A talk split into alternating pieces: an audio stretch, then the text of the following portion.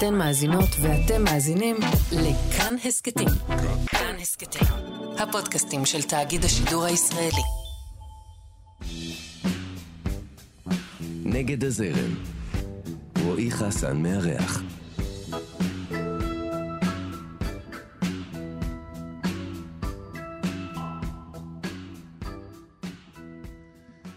אתם על נגד הזרם, כאן תרבות, אני רועי חסן ויש לי את הכבוד והעונג לארח כאן היום בתוכנית, יוצר, זמר, גילוי נאות, חבר קרוב, בר צברי, מה שלומך בר? השתבח, הכל טוב, איזה כיף. כן? איך אתה בימים אלה?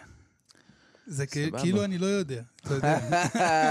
כן, אתה יודע הכל, אבל... אה, לא, אבל בסדר, אנחנו לא ב... למרות שזה מרגיש ככה, אנחנו לא בשיחת סלון, מה שנקרא, אתה יודע. נכון, זה מוזר, אתה יודע? כאילו, אני אומר אה, שאני, כאילו, לא, אין לי איתך בכלל ברקסים וזה, דברים כאלה באישי, אבל בסדר, נו, נעשה גם, אתה יודע, שיהיה טבעי ואמיתי ו... לא, אבל יש משהו בזה, בשינוי הזה, בפתאום שאתה, כאילו, זה אולי, לא יודע, קצת רשמי, או, או במקום אפילו שהוא... שהתחלת, כן, אפילו שהתחלת עכשיו, כן, עם כאילו, אנחנו כזה. מדברים, אה, אהלן, חברים, כאן נגד, אז כאילו זה, פתאום, זה הכניס אותי לאיזה מוד? כזה. כן, מה קרה? תשמע, זה בדרך כלל קורה. מהניסיון שלי בראיונות, אתה בדרך כלל מדבר עם בן אדם, ואז פתאום כאילו נפתח המיקרופון ומשהו, יוצא כאילו איש של מיקרופון כזה, אבל אה, לא, זה כאילו ממש היה רק בהתחלה נראה לי שהכל קורה. לא, לא, אבל יש את, ה... יש את העניין של הקול הרדיופוני שלך, אתה יודע, זה כאילו, אתה, אתה מחפש אותו, בסוף אתה מוצא, זה לא... כן, אה, אני לא יודע, זה אמרו- כמו, זה כמו, אתה יודע, אני כל הזמן אומר, הכל זה פרפורמנס בסוף, אתה זמר. אתה לא, אתה לא שר כמו שאתה מדבר. כשאתה עולה להופיע. אצלי זה, אצלי ספציפית,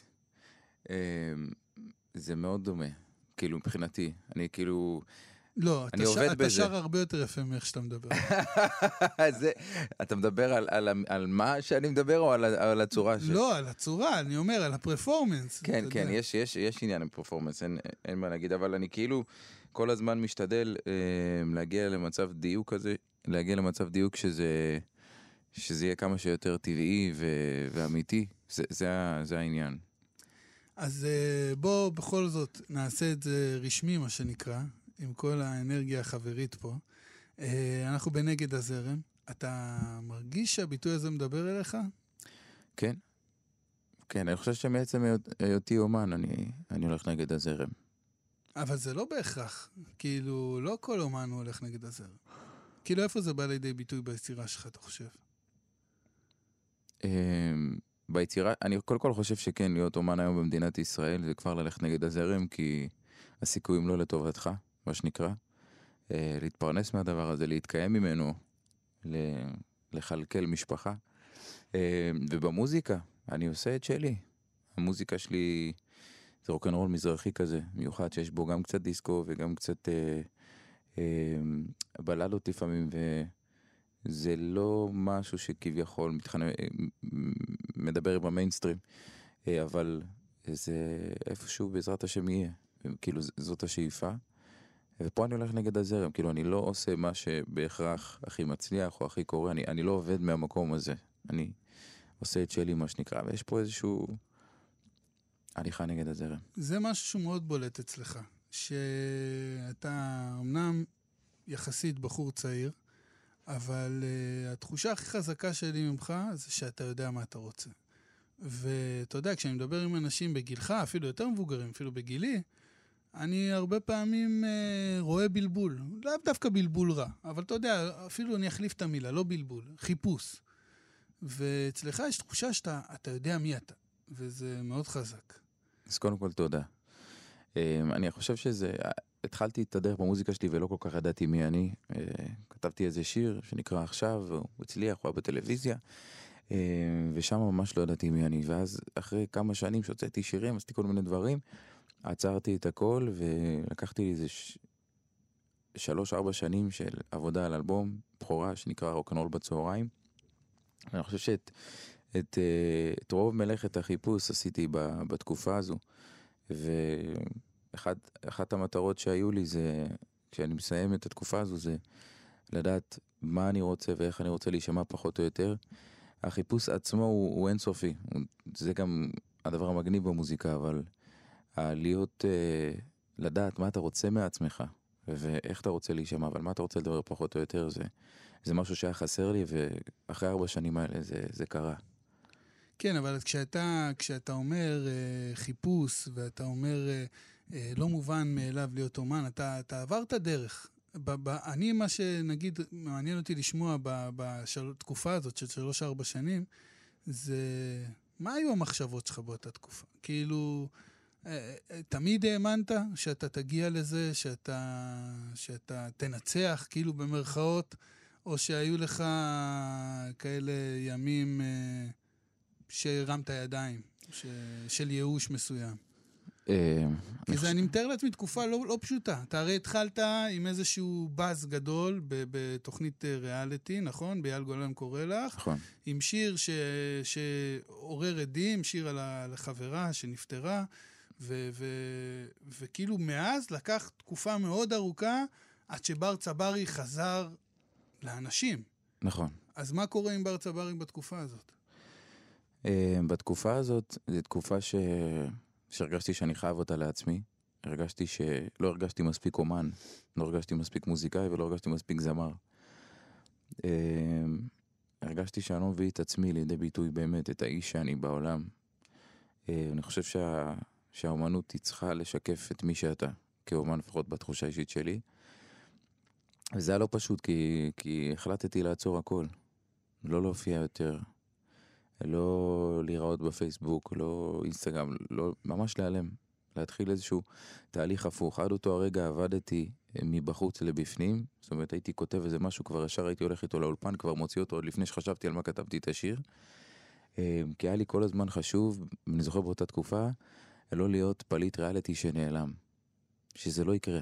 ואז מכורח האנרציה כל הזמן ייצרתי וייצרתי כדי שקודם כל אני, אני קיים, אני אה, מכרתי לעצמי איזשהו סיפור שאם אני עדיין מוציא שירים אז לא נעלמתי. כן, אני כאן, אני כאן. אני לא... כאן, אני כאן, אני כאן, לא נעלמתי, אני עדיין קיים, אני... אה, תאהבו אותי, זה היה כזה, אתה מבין?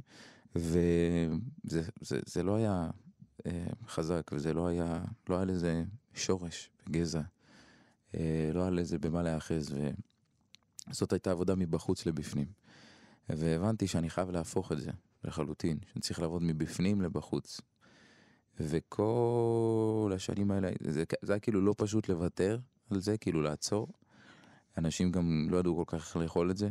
אמ, ו, והיו מלא תהליכים שקרו במקביל בתקופה הזו. גם העמקה ב, ביצירה. גם מבחינה חיצונית, כאילו הייתי, הייתי כזה מסתפר כל יום חמישי, כל יום שאני עושה מסגרת, הייתי עם קצוץ כזה. פתאום וזרם לי יותר דווקא לגדל קצת שיער, להיות קצת מוזנח, במרכאות. גיליתי שזה כיף, כאילו פחות להתעסק בדבר הזה, שזה בדיעבד מגניב, זה גם מהבפנים לבחוץ, כאילו פחות להתעסק בחיצוניות עכשיו אני, ואיך... אני גיליתי הפוך, אני כל החיים הייתי מוזנח, פתאום גיליתי שזה כיף לי, להסתפר כל שני וחמישי.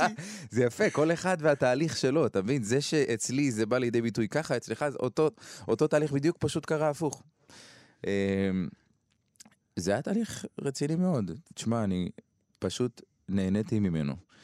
כי זה היה הפעם אבל, הראשונה אבל לא שהרגשתי... חששת, לא חששת בשנים האלה? לא. שכאילו, היית רגוע עם זה שאתה, מה שנקרא, אה, מתחת לרדאר, תקופה ארוכה? לא, לא חששתי, כי היה לי פעם ראשונה נעים וכיף, הייתי מאושר. כי, כי לא היה שקר. לא היה שקר. וזה היה לי נעים מלהיות באמת. וקלטתי באותה תקופה גם שאושר הוא לא תלוי במה אני משיג או באיך אני, הוא, הוא תלוי באיך אני חי, איך אני מתייחס לדבר הזה שנקרא חיים, איך אני מתייחס לדבר הזה שנקרא אה, מוזיקה בחיים שלי, ואיך, בכל, זה דבר עמוק מאוד.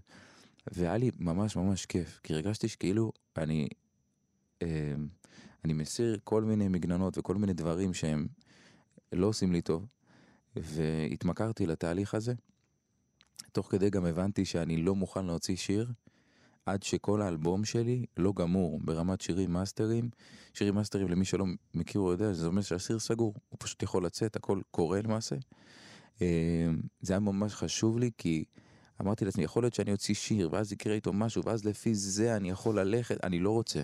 אני רוצה להחליט על האופי שלי, על הסטייל שלי, עד הסוף, ורק אז להתחיל לשרת את השירים, וככה היה. אבל זה תהליך יקר, זה תהליך שדורש ממך להוציא כסף, אני בטוח אה, לא יודע, לחסוך על עצמך באותה, באותם שנים בשביל לעשות את המוזיקה שלך, זה, זה כאילו, אתה, אתה לבד.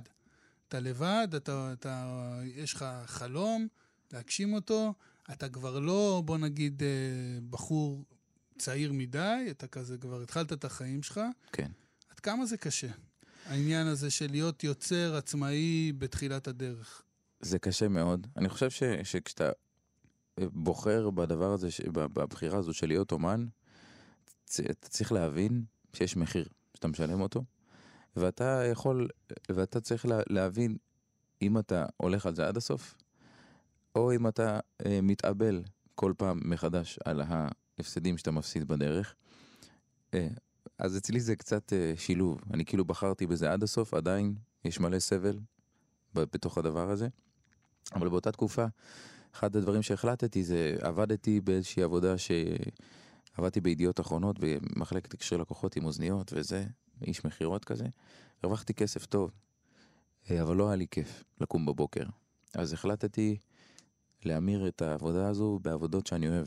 שזה גם, עוד הפעם, מבפנים לבחוץ. והתחלתי ללמד מוזיקה בבית ספר, וזה לא היה מספיק כסף, אז, אז העבירו אותי שם ולקחו אותי גם לגני ילדים. ולמדתי שלוש שנים פיתוח קול אצל אהובה עוזרי, זיכרונה לברכה, שהיא אימא שנייה שלי במוזיקה והשפיעה עליי המון. אז התחלתי ללמד גם בבתי ספר, גם בגני ילדים, ואז התחלתי ללמד פיתוח קול גם, ברמה אישית, נהיה לי אה, שלוש עבודות. והלכתי לווינגייט, מכללת וינגייט, למכון וינגייט לעשות אה, קורס מאמני כדורגל, כי כדורגל זה דבר ענק בחיים שלי. והתחלתי לאמן כדורגל, אז למעשה עבדתי בארבע עבודות. מה, כדי ל- מה אימנת, ילדים כאילו? כן, אימנתי. ילדים איפה? בזיכרון יעקב, זה התחיל. אה, ואז למעשה את העבודה האחת שהייתה בידיעות שלא עשתה לי טוב ביום יום, לא נהניתי ממנה, המרתי בארבע עבודות אחרות שלמעשה הביאו לי פחות או יותר את אותו שכר. ואז הצלחתי גם לכלכל את האלבום, גם, גם זה שהאלבום לקח זמן לעבוד, אז זה- היה לי נוח, כי פרסתי גם את התשלומים, כאילו עבדתי עם אה, אדי לוי, שאני עובד איתו עד היום, המוזיקאי המדהים הזה, ופשוט הייתי כל חודש משלם לו, כמו שכירות, הייתי משלם לו כסף, ואז לאט לאט אמרתי לו, תשמע, אין לי כסף, אבל אם אני כל חודש אביא לך כסף, אז אני אצליח להגיע בסוף ל- לסכום הזה של האלבום. לא, אתם גם צוות בכלל שהולך הרבה שנים ביחד, נכון? הלהקה, עדי, זה לא... לגמרי. כל הלהקה שלי זה להקה שבאו, קודם כל עדי הוא, הוא הראשון שהולך איתי דרך, שהוא גם הגיטריסט בהופעה, וסיימנו את האלבום שנקרא רוקנול בצהריים, והשמענו לכל מיני נגנים, ידענו שאנחנו רוצים לבנות, לבנות להקה. אה, וכל החבר'ה האלה פשוט הגיעו לפני שיצא שיר, אמרו לי, אנחנו יודעים שאין לך כסף, אנחנו מאמינים בך ובדבר הזה, ואנחנו איתך מה שצריך. ושנים היו מגיעים לחזרות בלי כסף, ובאים... עד היום יש מלא ויתורים שהם עושים בשבילי, אה, וזה מדהים. זה כאילו, שוב, זה כל הזמן חוזר, הנושא הזה של מבפנים לבחוץ. לפני כן לא בכלל יכולתי להאמין שבן אדם יבוא ובכלל ירצה לעבוד איתי בלי איזו תמורה כלשהי על הוואן או זה, ופתאום האמנתי בזה. ואנשים, זה מהדהד החוצה כנראה, זה ממש אה, משפחה, כאילו, מרגיש. לגמרי. כאילו, והאמת שמי שהיה בהופעה שלך אה, יכול להרגיש את זה, זה מורגש. אנחנו נדבר על, על ההופעות שלך בהמשך, אבל uh, לפני כן אני רוצה ל... ככה לדבר על משהו שקרה לנו לפני כמה חודשים, שנפגשנו אצלי בבית באיזה כזה של, אה, של אה, פרויקט של משרד התרבות כזה, ו- והפגישו בינינו, ואנחנו, צריך לומר, גרים שני רחובות אחד ליד השני, אבל לא היינו, ב- ידענו אחד על השני, אבל לא היינו בקשר קרוב כזה. נכון. אה, נדבר גם על זה בהמשך, אבל מה שאני בא להגיד, שבאותו באותו ערב אה, הביאו איזו הגברה מצ'וקמקת שלא עבדה, ובצעד שבתור מי שעבד עם הרבה מוזיקאים בחיים, אני יכול להגיד שהרבה מוזיקאים היו, אתה יודע, לא זורמים עם הדבר הזה. ואתה פשוט קיבלת החלטה ואמרת, אין בעיה, לא צריך uh, הגברה, אני, אני אשאיר בלי הגברה. וזה היה פשוט מטורף, כאילו, ואני חושב שגם גם מי שבא לשם בידיעה שאתה זמר מעולה, יצא משם אפילו בידיעה עוד יותר חזקה, עד כמה אתה זמר מעולה. ואני לא סתם מתעכב על זה, כי אתה באמת זמר-זמר. זאת אומרת, אתה ברמה הווקליסטית, אתה, אתה זמר.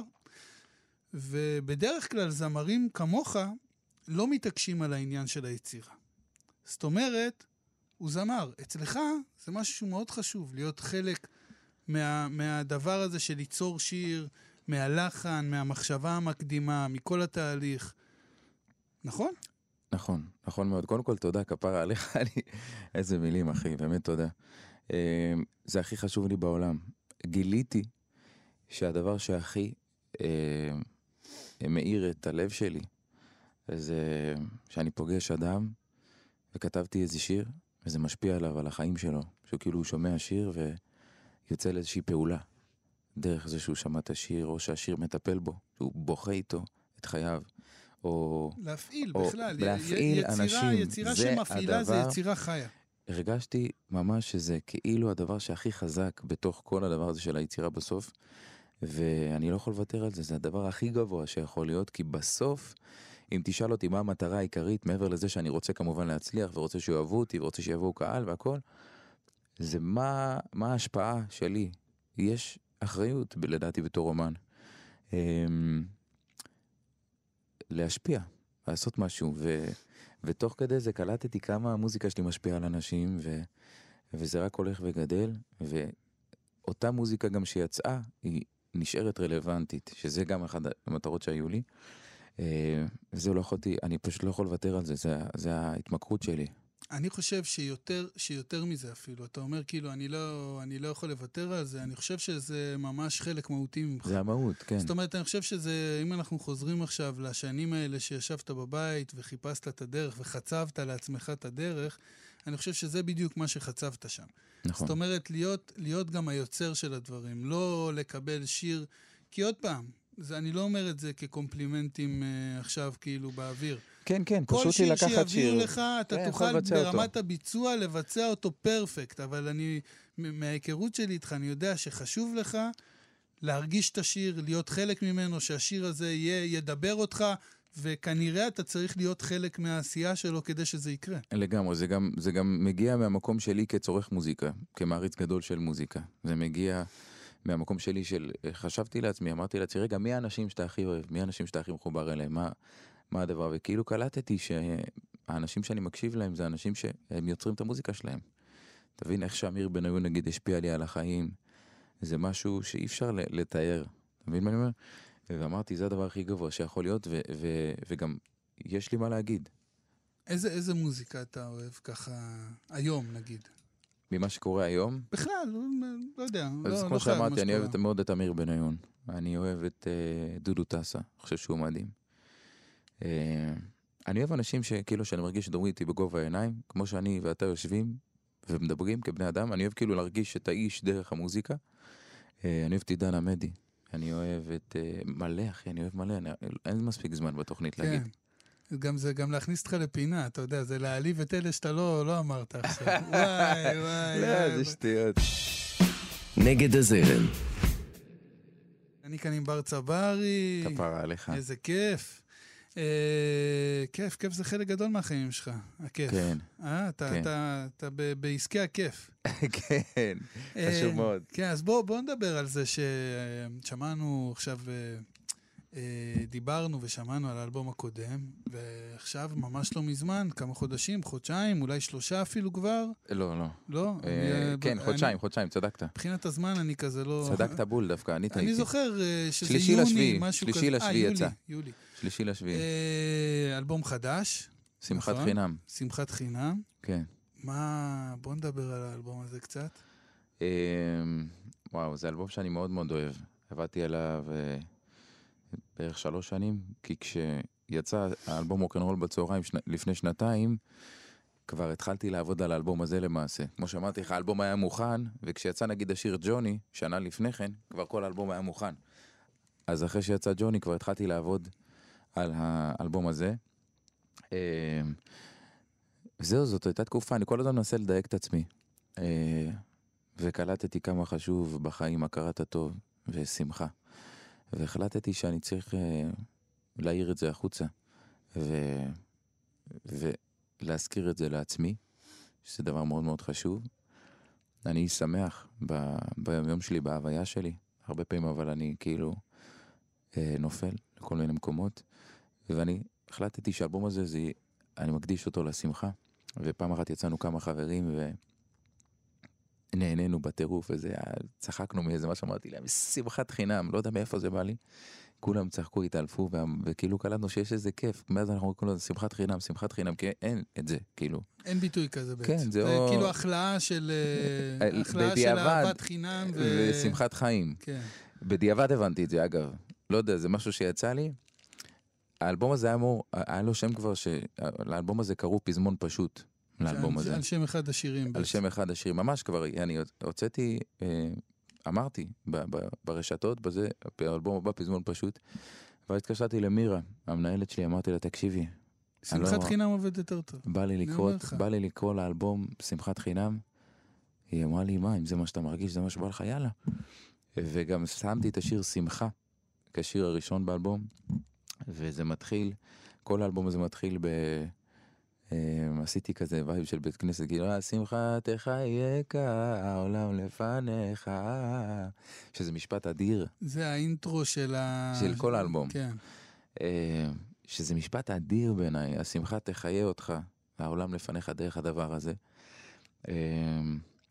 יש גם שירים עצובים באלבום הזה, זה, אבל רוב רובו זה, שמח. אבל זה מה שגם, אה, זה גם מה שיפה בעניין הזה. כמו שאתה דיברת על זה, שאתה אומר, יש לי גם נפילות. אחי, אתה בן אדם, ובתוך הדבר הזה של החוויה האנושית שלנו, השמחה היא מעולה גם בעצב, ודווקא נכון. אני מאוד אוהב את זה באלבום הזה, שיש את האיזונים האלה בין השירים העצובים כביכול, נכון.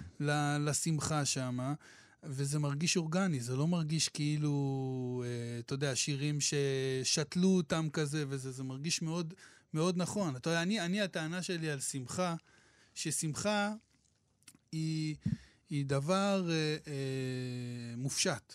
זאת אומרת, זה כמו לדבר על אושר, באלף כמובן. כאילו, כן. מה זה אושר? מה זה שמחה? אנחנו לא באמת יודעים ל- ל- להגיד את הדברים האלה. אתה יודע, יש גם את המשפט הזה שמעסיק אותי הרבה שנים, של אה, מצווה גדולה להיות בשמחה תמיד.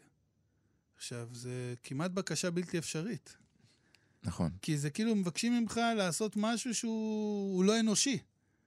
להיות בשמחה תמיד. אבל יש משהו בדבר הזה, שהוא לא אומר לך, אתה באמת יכול להיות בשמחה תמיד, אבל אתה כן צריך להיות בשאיפה לשמחה תמיד. נכון, בדיוק. וזה היופי באיזונים האלה, של השמחה זה לאו דווקא מהשיר הראשון עד השיר העשירי, אתם תעמדו על השולחנות ותרקדו. אני חושב שגם אם אתה בעצב, אם אתה נמצא במצב שאתה עצוב ואתה אומר, אני בזה עכשיו, אני נותן לזה להיות, בזה גם יש שמחה. בהשלמה הזאת, עם כל מה שקורה, ב... בלהוקיר את הרע והטוב, יש, יש שם שמחה. ובכללי, גם מי שבא להופעות שלי, מאוד חשוב לי, אני, אני חי במדינה הזאת כמו כולם, לא פשוט לחיות פה, לא פשוט לשרוד פה. אה, ולי חשוב, כשאנשים באים אליי להופעה, שיהיה איזשהו פורקן, גם של רגש, אה, אבל בעיקר בא לי, אני אוהב, אני, חשוב לי להביא את זה אה, משמחה. אני מרגיש תמיד שאני עולה על הבמה, אני לא יודע למה, אין לי מושג למה, תמיד בא לי שהקהל יעמוד על הרגליים וירקוד, ואני אומר לקהל שלי, בדרך כלל בהופעות, אני אומר, חבר'ה, לא לרקוד יפה, תעשו תנועות מוזרות, תהיו, ת, ת, ת, ת, תעשו מה שבא לכם. אם יהיה בעיה, משהו, תגידו בר אמר, ואני אתמודד עם הכל, שלחו אותם עליי את כולם. וזה משהו חשוב, כיף לי להתפרע. אני יודע, כשאני מתפרע, כמובן, אתה יודע, ממקום של אה, אה, שובבות, וכאילו ל- ל- ל- להתפרק, זה עושה טוב, זה חשוב, בטח במדינה שלנו. אנחנו חייבים שמחה, אחי. יש פה מלא מלא חרא, סליחה על הביטוי, אה, ואנחנו צריכים שמחה שתאחה קצת, שתאחד. זה, זה מזכיר לי את זה שאני, כשאני עושה כל מיני מפגשי אה, משורר, סופר בבתי ספר, בתיכונים, אז אני אומר לתלמידים, אני לא יודע מה הכינו אתכם פה המורים. כאילו, אתה יודע, יכול להיות הכנה כבדה, בא לכם כן. משורר, תתנהג... כן, אני אומר להם, אבל אני ממש מבקש שתתנהגו כנערות ונערים. מצחיק לכם, תצחקו, מעצבן אתכם, תתעצבנו. זאת אומרת, תהיו אתם, אל מדהים. תהיו, אל ת, תבואו עכשיו לאירוע, אתה מבין? מדהים. כאילו... אה, אבל בוא נחזור ל- ל- להופעה שלך, כי באמת אה, היה שוני, לא מזמן, נכון. והיה מטורף. ת- תקשיב, אני אומר לך את זה עם יד על הלב. זה באנרגיה של האנשים, אני ראיתי אנשים שלא באים לשמוע מוזיקה. אנשים שבאים לחוות חוויה. זאת אומרת, זה, זה ממש הורגש. אה, נכון. עד כמה זה, זה, זה, זה מקום חשוב לך או טבעי לך, הקטע הזה של להופיע? אתה יודע, זה, זה, זה משהו שמתחלק אצל יוצרים. יש יוצרים שמאוד אוהבים להופיע, ויש יוצרים ש... כמה שפחות. אז מבחינתי זה הדבר הכי חשוב. ב- כאילו בסוף. אה, לשם כך התכנסנו, מה שנקרא. אני כל החיים שלי על במות, כל החיים עושה את הדבר הזה, ובאמת אמפי שוני זה היה אה, איזושהי פסגה כזו שככה התנקזה אחרי כל כך הרבה שנים של עבודה. וכמו שאמרתי בתחילת הפודקאסט, המוזיקה שלי היא לא מוזיקה עכשיו שאתה... אה, היא מוזיקה שהיא אה, מתאימה לכולם, מה שנקרא, אבל זה לא מה שקורה עכשיו בזרם המרכזי. ואני הרגשתי שאנשים באים כל הזמן כזה איתי, והאהבה שלהם לא תלויה בדבר. והדבר שהכי ריגש אותי זה שראיתי אנשים שלא באו יחד, כמו שאני הולך נגיד לראות משחק כדורגל. אני הולך לראות משחק כדורגל, מעודדים את הקבוצה. שיש גול מתחבקים. מו- כן, אתה לא מכיר את הבן יש אדם. גול, וגם אם לא, אם יש גם איזה עידוד עכשיו חזק, אני יכול לראות מישהו מצד ימין שמצד שמאל, שפתאום להתחבק איתם ולצרוח ול- ולרקוד ולהשתולל. מהמם. אחי, וזה קרה בהופעה, וכאילו סיימתי את ההופעה ואני אומר, יואו, האנשים האלה הם לא באו ביחד, הם לא מכירים. והם הם, הם, הם, הם כאילו התחבקו ורקדו ושרו את השירים. הם החליפו טלפונים אחרי ההופעה. אחי, לגמרי, והיה לי גם הופעה בראשון לציון, להבדיל אלפי הבדלות. אה, הופעה קטנה יותר עם 300-400 איש, שגם שם אנשים באו, כל אחד. כן, ראיתי את זה. היה איזה משהו משותף, הם כאילו התחילו לרקוד ולשמוח ביחד. אחי, זה דבר גבוה, זה דבר שכאילו כמה ימים לקח לי לנחות ממנו ברמת העוצמה של זה, של איך שזה האיר עליי.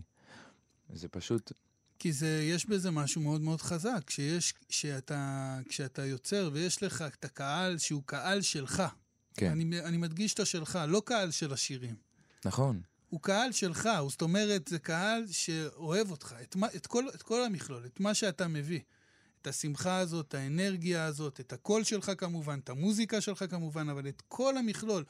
אני אומר לך, אני הייתי שם, וזה הדבר הכי, שהיה הכי מורגש אולי.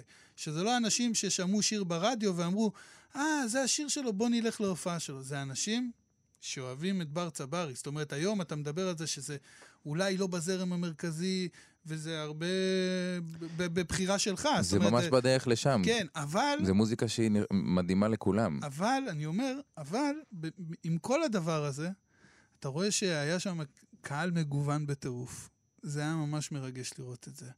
ואני אומר לך, אני מכיר את עצמי בהופעות. אני לא, לא מתרגש ולא רוקד ככה, כמו שרקדתי אצלך בזה. כפרה עליך. וזה באמת חוויה. כאילו, אני, אני באמת... זה כיף, אני אני חושב- פונה אליכם. יאללה, תבואו, להופעה תבואו להופעה. לא, זה באמת, אה, זה באמת משהו ששווה לחוות אותו. זה חוויה וזה ילך ויגדל וזה גדל כל הזמן וברגע שה-1500 איש שבאו לשוני יהיו 4,000 ו-5,000 אז זה כבר יהיה המיינסטרים זה עוד שנייה שם. זה גם היה, אני, אתה יודע, אני, לא עושה התוכנית מוזיקה, שלנו תהיה לא רלוונטית. נגנוז אותה לא מהארכיון. אחי, זה מה שיהיה יפה שלא משנה איפה אני אהיה דווקא זה תמיד כיף לבוא. אמ, אבל שוב, כשאני אומר שהמוזיקה שלי כאילו היא לא הזרם המרכזי זה, זה לא כי היא אינדית, היא דווקא, זה- אני עושה מוזיקה מזרחית, פשוט אף אחד כבר לא עושה מוזיקה מזרחית. חושבים שזה מוזיקה מזרחית, כאילו by definition, לא... כן, לא אני עושה. מוזיקה מזרחית, אמיתית, אני עושה רוקנרול. מזרחי, כמעט ולא עושים את זה, כן, בהגדרה המילונית, מה שנקרא, של המוזיקה. שזה גם, משהו קצת מעניין, אתה יודע, הדבר הזה של רוקנרול מזרחי, שהיום יש את הצורך בעצם להדגיש שזה רוקנרול מזרחי, אבל בפועל כל המוזיקה המזרחית שאנחנו מכירים, נגיד הישראלית מזרחית מש- משנות ה-70, היא כולה רוקנרול. נכון, זאת אומרת, זה כאילו, זה ההגדרה של מוזיקה נכון, מזרחית. גם זוהר עשה מלא רוקנרול. זה עשה רק רוקנרול, נכון. עם סולסולים. הלהקה שלו הייתה להקת רוקנרול, היה בס, גיטרה חשמלית, מתופף וסינתסייזר. לגמרי, זאת אומרת, לא היה שם אה, אה, ממש. נגן אהוד. וגם יהודה ו- קסר הגיע להופיע איתנו ב- ב- בשוני כן. האחרון. ובכללי, זוהר, תראה, אהובה עוזרי, אמרתי לך, לימדה אותי שלוש שנים פיתוח קול. שאבתי ממנה המון, היא הסבירה לי, אמרה לי, בר, מילה בשיר זה עולם ומלואו, אתה חייב לדייק את הזה ולעשות פה. מאוד מאוד הדריכה אותי בהופעה הראשונה שלי בחיים, בברלה, בלהבות חביבה, שכבר לא קיים, היא הגיעה להתארח. וזוהר ארגוב, אה, זה רומן שהשפיע עליי מאוד. אני חושב שזה האומן הראשון שהוא למעשה היה רק זמר, אבל מבחינתי הוא אומן יוצר. כי הדרך שלו, האטיטיוד. האטיטיוד, הגישה. הגישה שלו, הדבר הזה, הוא אומן יוצר. גם ישי לוי, אגב, בעיניי הוא כזה. ו... וכאילו, מעגלים כל הזמן נסגרים וקורים דברים, וכאילו אני עוד רגע מתחיל חזרות לגלם את זוהר ארגוב בתיאטרון. אני לא ידעתי אם אפשר לדבר על זה. אני לא יודע אם אפשר, אבל הכל טוב. תשמע, אני איתך. בוא, אתה אומר לי, אי אפשר לדבר על זה, כולם אפשר. מפרסמים את זה בכל לא, העולם. לא, אפשר, ואתה אחי, אנחנו לי, מתחילים לא, לא חזרות, אפשר. עוד, עוד ארבעה, חמישה ימים אנחנו מתחילים חזרות בעזרת השם שבוע הבא, וזה מרגש בטירוף, כי כש, כשהציעו לי את הדבר הזה, מבחינתי לא, לא הייתה שאלה, כי, כי זה זוהר, זה כאילו הדבר של, הכי מדהים שאני יכול... מצד אחד, מצד שני, לא מלחיץ להיות זוהר? לא, אחי, לא, תן לי במה, תן לי... אוהב את התשובה הזאת. לא מלחיץ בכלל, תן לי במה, תן לי להעיר את הדבר הזה. זה גם... אתה מבין אבל שרוב האנשים היו נלחצים. להיכנס לנעליים של כאילו לגלם את זוהר, ולא רק לשיר את השירים שלו, זה לא עכשיו אתה במופע, אה, במופע לזכרו של זוהר. אתה מגלם את זוהר, ואתה יודע, שר את השירים שלו. זאת אומרת, זה- בתיאטרון, זה חשוף, אבל כאילו זאת זה- השמחה הכי קיצונית שיכולה להיות. לא, לא, אני אוהב את התשובה הזאת מאוד, אני רק אומר, אתה מבין מלחיץ שזה לא... לא מלחיץ זה אותי. לא טריוויאלי. לא מלחיץ אותי, לחץ לא עושה טוב. אה, לא מזמן, אה, לפני שנתיים בערך, אה, עשיתי דמות ראשית בסדרה שנקראת מנגן ושר ב-yes, זה יצא. כתבנו גם מוזיקה מקורית לסדרה הזו. ו- ואמרתי לעצמי, זה באמת היה אלמנט מאוד מלחיץ. כי אמרתי, אני, אני עוד לא עשיתי דבר כזה בחיים שלי, ואני הולך לעשות תפקיד ראשי עכשיו. וישבתי בבית ואמרתי, יש לי שתי אופציות. או ללכת עכשיו, יש לי שני חברים שלי, שחקנים שעזרו לי. אחד אמר לי, אה, תראה, בסצנה יש תיאור זה, תיאור זה. המטרה היא, מהי מטרת העל של השחקן? מהי מטרת ה- זה של השחקן? וקלטתי שזה כאילו קשוח לי. וחבר אחד אמר לי, אחי, אתה בן אדם אינטליגנט, אתה מבין את הסצנה, אתה מבין את הדברים. תצמח את זה, אחי, תעשה קו- מה שצריך. תיקון חפיף. בדיוק, שזה גם למדתי ממך, ובחרתי בזה. אמרתי, אם, עשי, אם אני אעשה את הדבר הזה והוא ייגמר, ואני אגיד, אה, עשיתי את זה בגלל שכל הזמן הייתי בהחזקה של לעשות את זה טוב, וזה, לא, אני לא רוצה להילחץ. בא לי תיקון חפיף, כמו שאמרת, שזה מדהים. תס, נראה לי תסביר להם רגע מה זה אומר. זה תיקח אה, קליל. בקלות, תהיה- יעני, אל כן, תהיה כבד. תהיה קליל. ואמרתי, בא לי לחגוג את זה, וחגגתי את זה, וזה יצא מדהים, וביטלתי את החששות שלי מהדבר הזה, וגם עכשיו, אחי, נכון, זו אחריות גדולה לגלם את זוהר ארגוב, בטח בתיאטרון, שהכל חשוף, ו... אבל אחי, אני הולך לחגוג את זה בטירוף, וזו זכות גדולה. ועד כמה זה מרגש? בטירוף, בטירוף, כי כאילו זוהר... בסביבה הקרובה שלך, שאתה, שסיפרת לאבא שלך, לאמא שלך, שאתה הולך לגלם את זוהר ארגוב, היה איזה התרגשות מסביב? כן, אבל הם תמיד מחזיקים את זה במשפחה שלי. כי אני גם תמיד מפתיע אותם, אתה מבין? אני הודעתי להם שאני עושה דמות ראשית בסדרה באיזה ארוחת שישי, כשאני יום, כאילו באותו שבוע אני כבר מתחיל לצלם. ואני גם לא אוהב כל כך לדבר על זה, גם אני, אני אוהב להפריד. וכשאתה אומן, כשאתה עושה דברים חיצוניים במשפחה, זה משפיע גם על אנשים מסביבך. אז אני תמיד, אני פחות אוהב לדבר עם המשפחה על מה שאני עושה בדברים, וכאילו להקצין את זה, מה שנקרא. אני תמיד אומר לאמא שלי, אמא, אני, אני, לעד אני הבן שלך. כי זה משפיע עליהם, אתה יודע, אמא שלי באה להופעות ומשתגעת ושורה ראשונה וצורחת, וזה הדבר הכי מדהים שיכול אמא להיות. שלך היא מאוד, אה, מאוד באינטואיט, היא מאוד בעניין. היא כאילו. מלווה אותך בקטע... ממש, ממש, ממש. וגם אבא שלך, שהוא נראה כזה קצת יותר קשוח וזה, אני ראיתי אותו אחרי שהוא הוא בא אליי, אמר לי, אני היום חיתנתי בן. הוא היה, הוא היה מה שנקרא, כפרה אתה יודע, עליי. הוא היה חמש קילו אחרי, אחרי ההופעה. זאת אומרת, ירד ממנו הרבה לחץ. נכון. למרות שאולי הוא לא משדר את זה. ו- נכון, זה מה שאני אומר, זה משפיע על כל הסביבה. זה משפיע על כל הסביבה. אה, ואתה יודע, אחרי הכל אני גם בעל ואני גם אבא לשני ילדים מדהימים, שני בנים, ו... ואני תמיד אומר שה... כל האהבה שלי למוזיקה, שזה הדבר באמת, אה, אחד הדברים הכי גדולים אצלי בחיים, אני שואף שהגזע והשורשים שלי יהיו קודם כל המשפחה, קודם כל הבית, והמוזיקה זה יהיה... חיים לפני הכל. בדיוק, והמוזיקה זה הענף הכי יפהפה האמת, בעץ. אני אגיד לך יותר מזה, עם השנים, קודם כל אני מחזיק בתפיסה הזאת מאז שאני זוכר את עצמי, החיים קודמים לכל. אבל ככל שאני מתבגר, אני יודע שאפילו זה יותר חזק מזה. שאם אתה לא שם את החיים קודמים לכל, היצירה שלך לא תהיה קיימת. כנראה. זה פשוט ככה, אם היצירה היא באה לפני החיים, אין יצירה. ועוד איזה יצירה אתה עושה, הנה על דינק. אני לא עושה כלום, עזוב, אנחנו עכשיו מדברים עליך. אז מה, לא, לא חייב רק עליי. תשמע, אה, אני, רגע, לא, אני חייב לדבר גם, אני רוצה להגיד משהו. שבערב שעשינו ביחד, כל הזמן כאילו קראתי דברים שאתה עושה וזה, אבל פתאום הבנתי את ה... הבנתי את המשקל של היצירה, אה, של שירה, ובכללית היצירה שלך. אה, קצת לא היה לי נעים להקריא שירים אחריך, בוא נודה על האמת. בסדר, אתה לא הראשון שמרגיש ככה. אבל, אה, אבל, אבל כאילו זה היה מדהים, וגם הבנתי שיש פרפורמנס בהקראה של שירה. ואהבת לי את המוח, וזה היה מדהים, ואני אוהב אותך, אחי. אנחנו, אה, אנחנו כזה, אתה יודע, הולכים בצעדים לקראת הסוף. אני, יש, יושב לי משהו בראש, אני לא יכול לסיים את התוכנית בלעדיו. זאת אומרת, אנחנו עוד לא, עוד לא בסיום, אבל אנחנו לקראת. אבל דיברת קודם על וינגייט ומאמן כדורגל. אני רוצה שתיתן לי קצת את, ה, את התפיסה שלך בתור מאמן כדורגל. מה השיטה המועדפת, אתה מאמן התקפי, הגנתי, לא סתם. איזה, איזה ילדים מימנת? קטנים? כן, יסודות? כן, זה הכי חשוב. כן, הכי חשוב יסודות. ואהבת את זה? בטח שאהבתי את זה. אהבתי את זה, למרות שאתה יודע, בשלב מסוים קיוויתי תשמע, שכל אני, אני העבודות אגיד לך האלה... למה אני שואל את זה, זה לא סתם, אני חותר למשהו. לאן אתה אני, חותר? אני, יש לי כל הזמן פנטזיה לקחת אה, איזה קבוצה בחדרה, אתה יודע, לא משנה, מבחינתי אפילו כדורגל, כדורסל, אנחנו שנינו חדרתים רק לזה. ואצלנו, אמנם יש קבוצה בליגת העל, איכשהו זה קרה, זה נס גלוי וזה, אין מושג ושורדת איך זה קרה, אין כן, מושג. ולמה זה לא קרה בילדות? כן, אולי הייתי אבל, שחקן. אבל, אבל כל, ה, כל שאר הדברים, כאילו לקחת איזה הפועל בית אליעזר, נחליאל, מכבי, לעשות שכונות, כאילו? לעשות, לא, לקחת קבוצה, אתה יודע, זה, אז אני אומר, אולי אני אקח פעם את ה... אקח איזה קבוצה, אני אביא אותך לאמן, על זה, אתה יודע. אה, כרגע אני אבוא יותר לשחק, אה, ואני אהיה- חלוץ רציני מאוד במערך שלך. אה, אם תשלם בהתאם. חלוץ, אתה אומר. מה זאת אומרת? חלוץ תשע, אחי. אתה, מדומיין מאוד. כאילו. אני חריף מאוד בכדורגל. יעידו עליי. כן? כן, אני גם אוהב את זה מדי. האמת שיש שמועות, יש שמועות. אני אוהב את זה מדי, אוהב את זה מדי. כן? זה זה מחלה רצינית, כדורגל. זאת אומרת, אם עכשיו זה היה על המשקל, כדורגלן או מוזיקאי... תלוי איזה כדורגלן. כדורגלן ככה ליגת העל וזה אה, בינוני שזה לא. אבל אם הייתי פחות- שחקן אתה של אירופה, פחות- מפרמייר ליג, שחקן- פחות מפרמייר כן. ליג, אתה לא... בשביל להיות שחקן של, של אירופה עכשיו הייתי מוותר על, יש מצב שהייתי מוותר על המוזיקה. כאילו לעשות היסטוריה אמיתית ככדורגלן.